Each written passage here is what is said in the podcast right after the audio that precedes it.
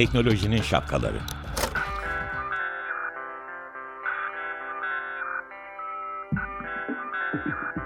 Bilgi ve iletişim teknolojileriyle güvenli ilişki için Banu Zeytinoğlu, Murat Lostar, teknolojinin tüm renklerini, siyah, beyaz, mavi, kırmızı şapkalarını konuşuyor.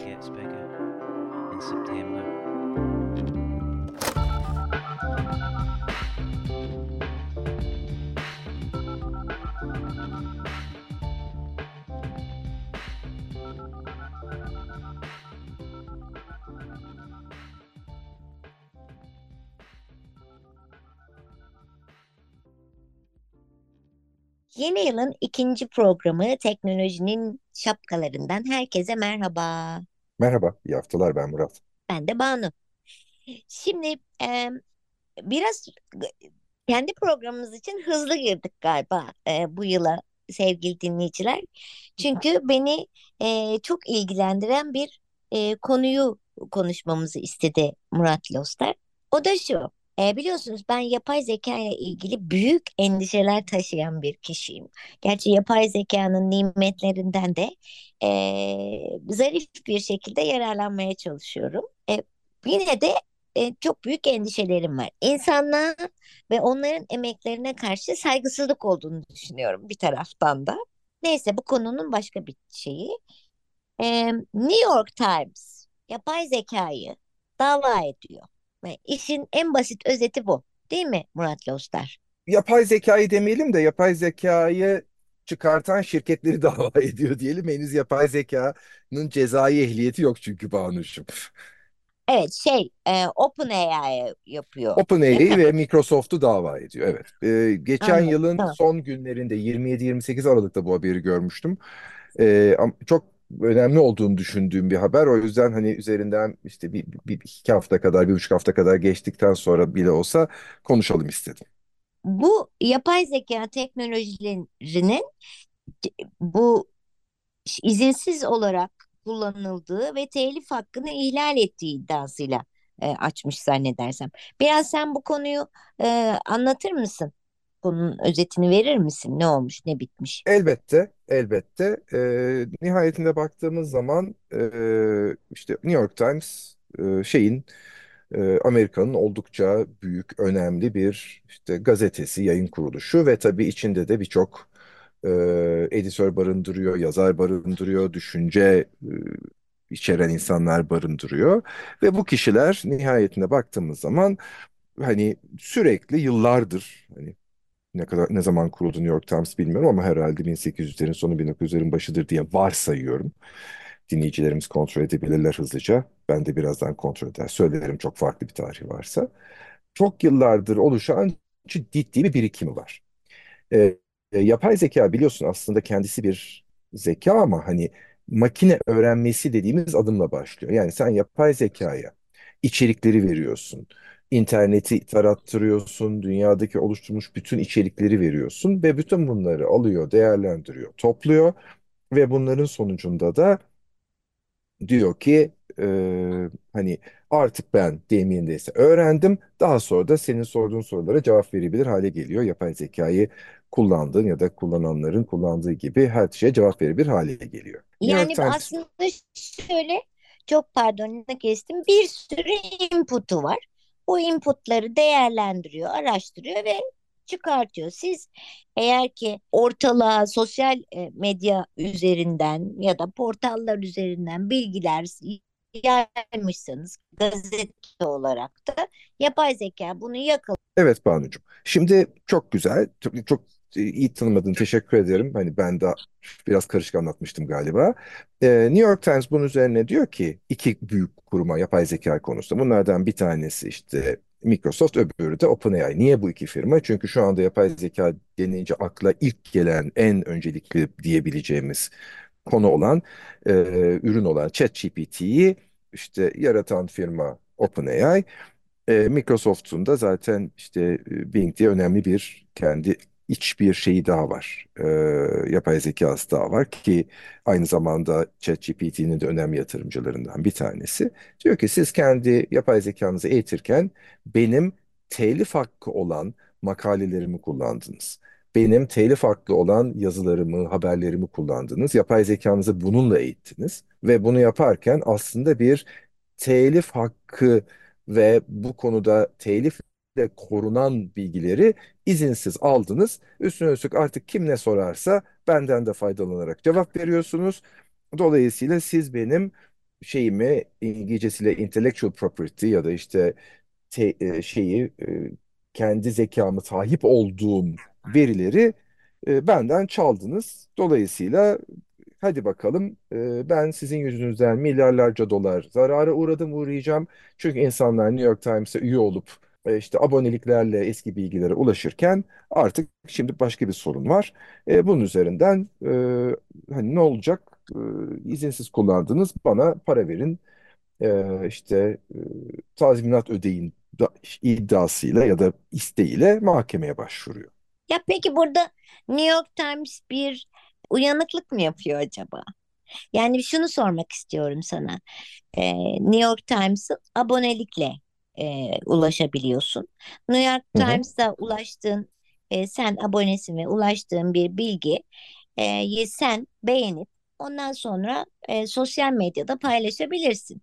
Böylece New York Time- Times'ın aslında telif e, hakkı ile ilgili ihlali sen de bir okur olarak yapmış olabilirsin. Öyle değil mi? Bu haberi kullanabilirim ben. Sosyal medyada biz öyle yapmıyor muyuz? Yani bir takım haberleri görüyoruz, oradan oraya yayıyoruz, yayıyoruz sosyal medya üzerinden.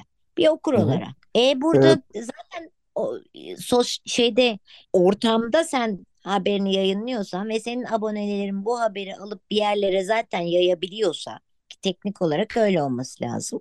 O zaman burada bir kafam e, çalışmadı.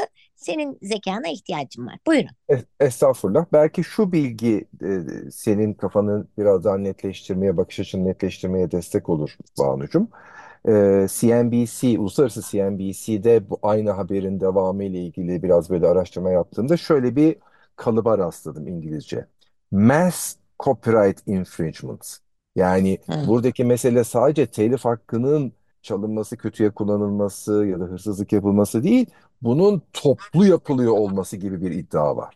Yani Heh, çünkü gidip de ben bir makalede e, bir bilgiyi alıyor olmam. New York Times dedi ki işte e, enflasyon şöyle şöyle oldu. Başka bir şey. Bütün haberler, bütün köşe yazarlarının bugüne kadar yazdığı bütün yorumları aldın. Dolayısıyla sen benim toplu bir şekilde bütün bilgi birikimimi ele geçirdin ve bunu kötüye kullanıyorsun gibi bir iddiası var New York Times. hı, anladım. Yani bu şey gibi e, hani merak et The Economist yapıyor. E, sen Instagram'dan örneğin takip ediyorsan sana böyle çok güzel bir ha- haberi veriyor. Öyle bir yarı alt başlığını da veriyor.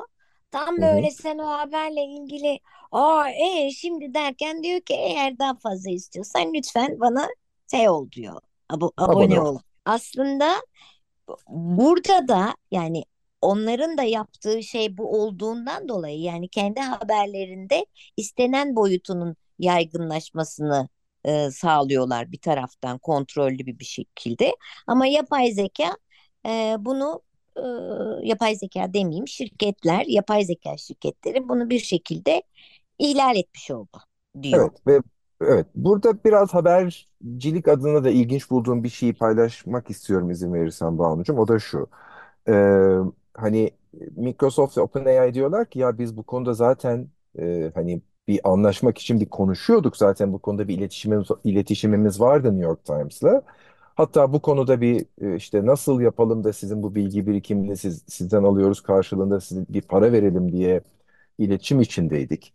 Ki mesela işte şey Fox'la Fox televizyonuyla Amerikalı yine e, daha önce bütün bu verilerini kullanmak için 787,5 milyon dolarlık bir e, anlaşmaya varmış e, bu şeyler benzer bir yapıda.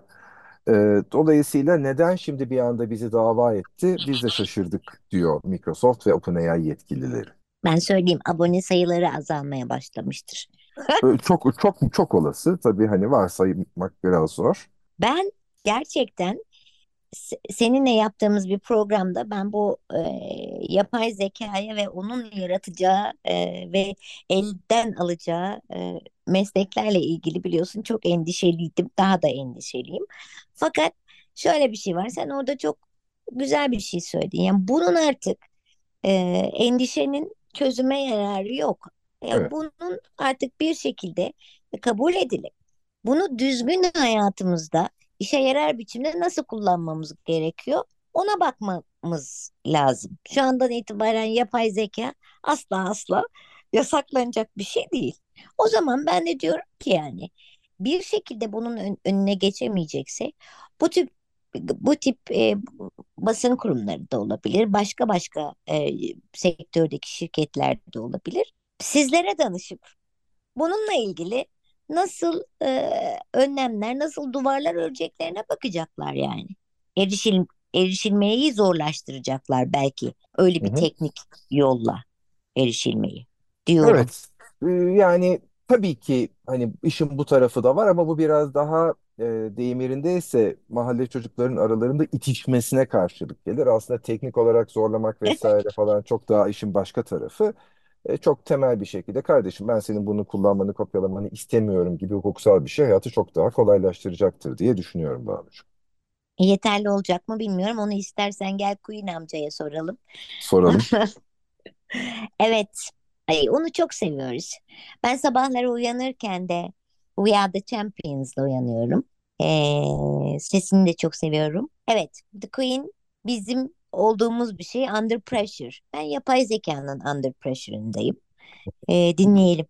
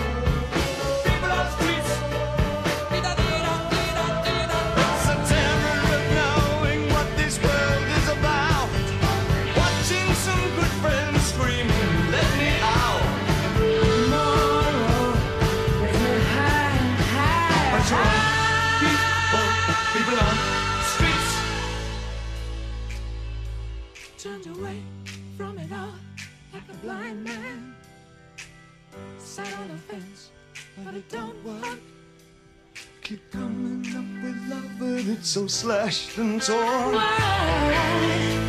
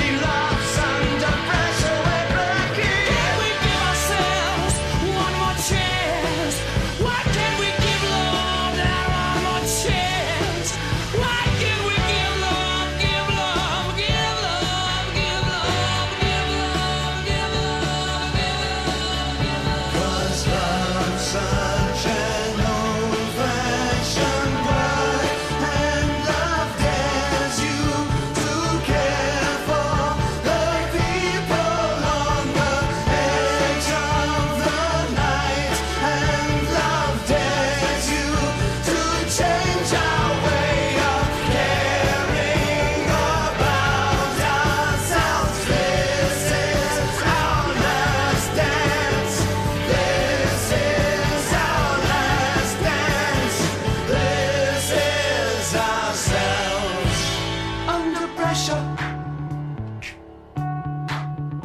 Under pressure. Pressure.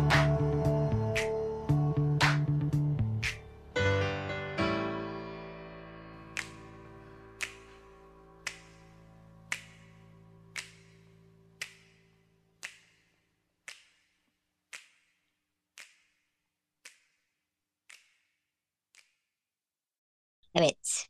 The Queen'den Under Pressure. Ben yapay zekanın Under Pressure'ındayım. Sen nesin bilmiyorum. Ee, ama seviyorum. Ben ChatGPT'yi mesela çok seviyorum. Çok güzel bir asistan. Ne verirsen saçmalasa da bazen yine de sen sana böyle güzel bir e, önerilerle gelebiliyor. Canım ChatGPT. Peki. E, Banucuğum bir Ee, dakika bunu burada bir ufak mola vermek istiyorum. Ee, sevgili dinleyicilerimizle senin hakkında dedikodu yapmam gerekiyor.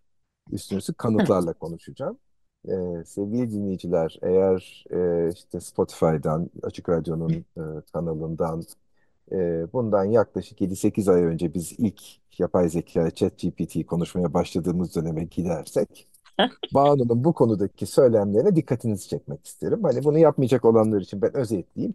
Yani Banu'nun ChatGPT ve yapay zeka ile ilgili iki ana fikri vardı. Bir, bu kötü bir şeydir. İki, ben bunu kullanmayacağım.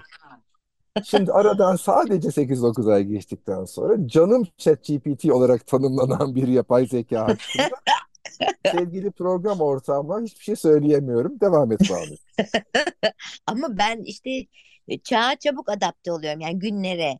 Hayır şöyle bir şey var. Çünkü ChatGPT'de en çok sevdiğim şey ne biliyor musun? Ben bir metin yazıyorum mesela. Onu gönderiyorum. Şunu bir düzelt bak bakayım diyorum. Noktalı virgülleri çok güzel yerlere koyuyor. Benim noktalı virgüllerle ilgili hep sorunlarım vardır. Çok beğeniyorum onu. Onun için İlkokulda o hafta hasta mı olmuş noktalı virgül anlatıldığı hafta? olabilir. Öğrenmemem var o konuda. Şimdi bir şey söyleyeceğim. Peki tamam da ne olacak? Yani bu, bunu konuşuyoruz da e, ya da e, bi- bizim e, yapacağımız şirketlere yönelik de ne bileyim web sayfasında paylaştığı özel bilgileri mesela e, şirket özelinde e, tabii ki kullanabilir yapay zeka. Gidip onu bulabilir. Yani bir önerimiz bir şeyimiz var mı bu konuda? Beni aştı yani şu anda. Yani aslına bakarsan e, bu böyle hani bizim bu programda söyleyeceğimiz ve bu programın dinleyicilerinin yapması ya da yapmaması gereken bir şey durumunda çok fazla değil açıkçası. E, çünkü hani bu biraz daha büyük kurum ve kurumlar arası olan bir durum. Hani şunu biliyor olmamız lazım. İyisiyle kötüsüyle ki hani etik ve işte ayrımcılık açısından bakarsak daha çok kötüsüyle demek zorundayım ne yazık ki. Yapay zeka internetten beslenen ve buradaki e, halka açık bilgileri kullanarak kendisini eğiten ve bize yanıt veren bir yapı içinde. Bu ne demek? E, hani eğer bugün e, işte e, internetteki içeriğin çok önemli bir kısmı işte beyaz ırktan e, erkek işte 35-45 yaş aralığı insanlardan oluşan e, kişilerin yarattığı içeriklerden oluşuyorsa yapay zekada hayatı deyim yerindeyse dünyayı böyle zannediyor. Dolayısıyla sorduğumuz sorulara da bu bakış açısıyla cevap veriyor. Tabii iyi bir yapay zeka kullanıcısı mesela bir soruyu sormadan önce şimdi sana soracağım soruyu 13 yaşında bir kız çocuğuymuş gibi düşünerek cevap ver diyebiliyor. Yapay zeka o zaman biraz daha kendisini bu konuda toparlıyor ama hiçbir böyle bir yönlendirme olmadan soru sorduğumuz zaman e, çok tek düze bir yaklaşım içerisinde. E, büyük kurumlar da, e, telif hakkına sahip kurumlar da bunu yapay zeka tarafından kullanılması, kullanılmaması ile ilgili elbette kendi kararlarını verecekler. E, birkaç tane seçenek olabilir diye düşünüyorum. Bunlardan bir tanesi kardeşim beni kullanamazsın demek. Bazı firmalar, bazı içerik sahipleri bunu tercih edecek, ol- tercih edecek oluyor olabilir. Ama eğer işin içinde bir parayla anlaşmak söz konusuysa Microsoft gibi, OpenAI gibi dünyanın bu konudaki devi olarak kabul ettiğimiz şirketler onlarla anlaşıp ticari olarak gerekiyorsa bu firmalara, bu insanlara, bu e, şirketlere para verip e, bu içerikleri kullanmak isteyecekler. Çünkü yapay zekadan sen New York Times'ı attığın zaman yapay zeka daha aptal bir zeka haline dönüşecek. Onu Yine de noktalı virgülü güzel yere koyar ben eminim. Yani New York, New York Times'da Türkçe'de noktalı virgüle bir etkisi olmaz. Orası kesin ama hani mesela Türk Dil Kurumu'nun kurallarını da yapay zekanın okuduğunu ve bildiğini de unutmamak gerekiyor tabii. Türkiye'de de. Tabii. Peki demin bir şey söyledin. Yani benim e, kullanamazsın. Yani bir, öyle bir şey var mı? Yani benim bir ey yapay zeka sen benim e, şirketimin ya da neyse web sitemdeki kendimce küçülterek soruyorum soruyu. E, bilgileri kullanamazsın gibi bir e, duvar var mı? Yani böyle bir şey yapılabiliyor mu? Yani normal şartlar altında arama motorları işte Google gibi arama motoru nasıl çalışıyor Banu? Sürekli şey yapıyor. Ne denir ona? Nasıl anlatayım? Hani interneti geziyor. Bunun teknik terimi crawl etmek. evet. İnternette dolaşıyor ve gördüğü her sayfayı, her yeniliği otomatik olarak kendi arama motoruna ekliyor biliyorsun. Evet. Sonra da sen bir kelime aradığında o kelimeyle ilgili arama motorundan sana yanıtlar dönüyor. Şeye gelince Yapay ona? zekaya. Yapay zekaya gelince aslında başı aynı. İnterneti geziyor, dolaşıyor, bulduğu tırnak içinde halka açık bütün verileri içine alıyor ve onunla kendisine eğitiyor. Yani bizim makine öğrenmesi, machine learning dediğimiz işlem gerçekleşiyor. Tamam. Ondan sonra da farkı şu. Sen Google'a girip aslında kendin bir takım bilgileri derlerken o senin ad- adına kendi kafasınca bir takım şeyleri derliyor. Evet, yapay zekada da öyle. Eğer sen bir verinin, bir bilginin, bir makalenin, bir yazının yapay zeka tarafından kullanılmasını istemiyorsan aslında yapman gereken şey bu bilgiyi, veriyi, makaleyi halka açık hale getirmekten kaçınman lazım. Çünkü halka açık hale getirdiğin zaman o da halka açık bir şekilde alıyor, öğreniyor. Heh. Ben de işte e, programın başında dediğim şey oydu. Sen New York Times bilgilerini halka açık hale getiriyorsan bu bilgiler bir şekilde oradan oraya oradan oraya yayılabilir. E o zaman bu da normaldir ki yapay zeka da buradan senden bir şeyler öğrenebilir. Halk Evet, gibi yani birey olarak aynen düşün. Ama hı. ve lakin sen diyorsun ki eee, bunu böyle bütüne yaymak yani mass hale getirmek e, aslında e, büyük problem. Yani Hı hı. hukuken bence e, New York Times'ın e, artık eli biraz daha e, zayıftır diye düşünüyorum. Ben tamamen e, kendi meraklı şeyimle, hmm, düşünce biçimimle. Çünkü sen zaten halka e, mal olmuşsun. Bütün bilgilerini halka mal ediyorsun. O da halktan biri gibi yapay zeka artık. Onun için o da geliyor bilgileri alıyor ve kendi eserinin şeyini yazıyor, raporunu yazıyor. Ben Evet. öyle düşünüyorum ve bunu takip edelim bakalım ne olacak. Evet Banu'cum şimdi ben seninle tam aynı düşünmüyorum. Hani telif hakkı konusunda biraz daha farklı düşünüyorum ama bunun e, orta uzun vadedeki cevabı bakalım Amerika'daki mahkeme ne karar verecek. Ama kısa vadede de eminim dinleyicilerimiz arasında e, bu konuları çok iyi bilen hukukçular da var. Onların da yorumlarını merak ediyorum. Bize ulaşırlarsa Spotify'da, e, Açık Radyo'da e, bu konuda yorumlarını aktarırlarsa e, çok mutlu oluruz. Biz de bunun üzerinden geçip e, o bu bilgileri de dinleyicilerimize yeniden paylaşırız. Hatta Evet. belki bu konuda bir hukukçu dostumuzu da konuk olarak davet eder. Bir günde daha detaylı bu olayın hukuk tarafını konuşuruz. Ayrıca bu bize konuk olmak isteyen e, dinleyicilerimiz olursa, uzman dinleyicilerimiz yani hukukçu gibi, neyse konumuz, pedagog gibi vesaire vesaire. Lütfen bize bizimle iletişime geçin. Biz sizin hakkınızda birazcık araştırma yapıp hemen sizi programımıza konuk alırız. Peki, o zaman haftaya tekrar bence yapay zekalı günler bizi bekliyor konu olarak da. E, o zamana dek ne yapmıyorduk? Hoşça Hoş kalmıyorduk, kalıyorduk. hoş kalıyorduk. Aferin. Öğrendim. İyi haftalar herkese çok sevgiler.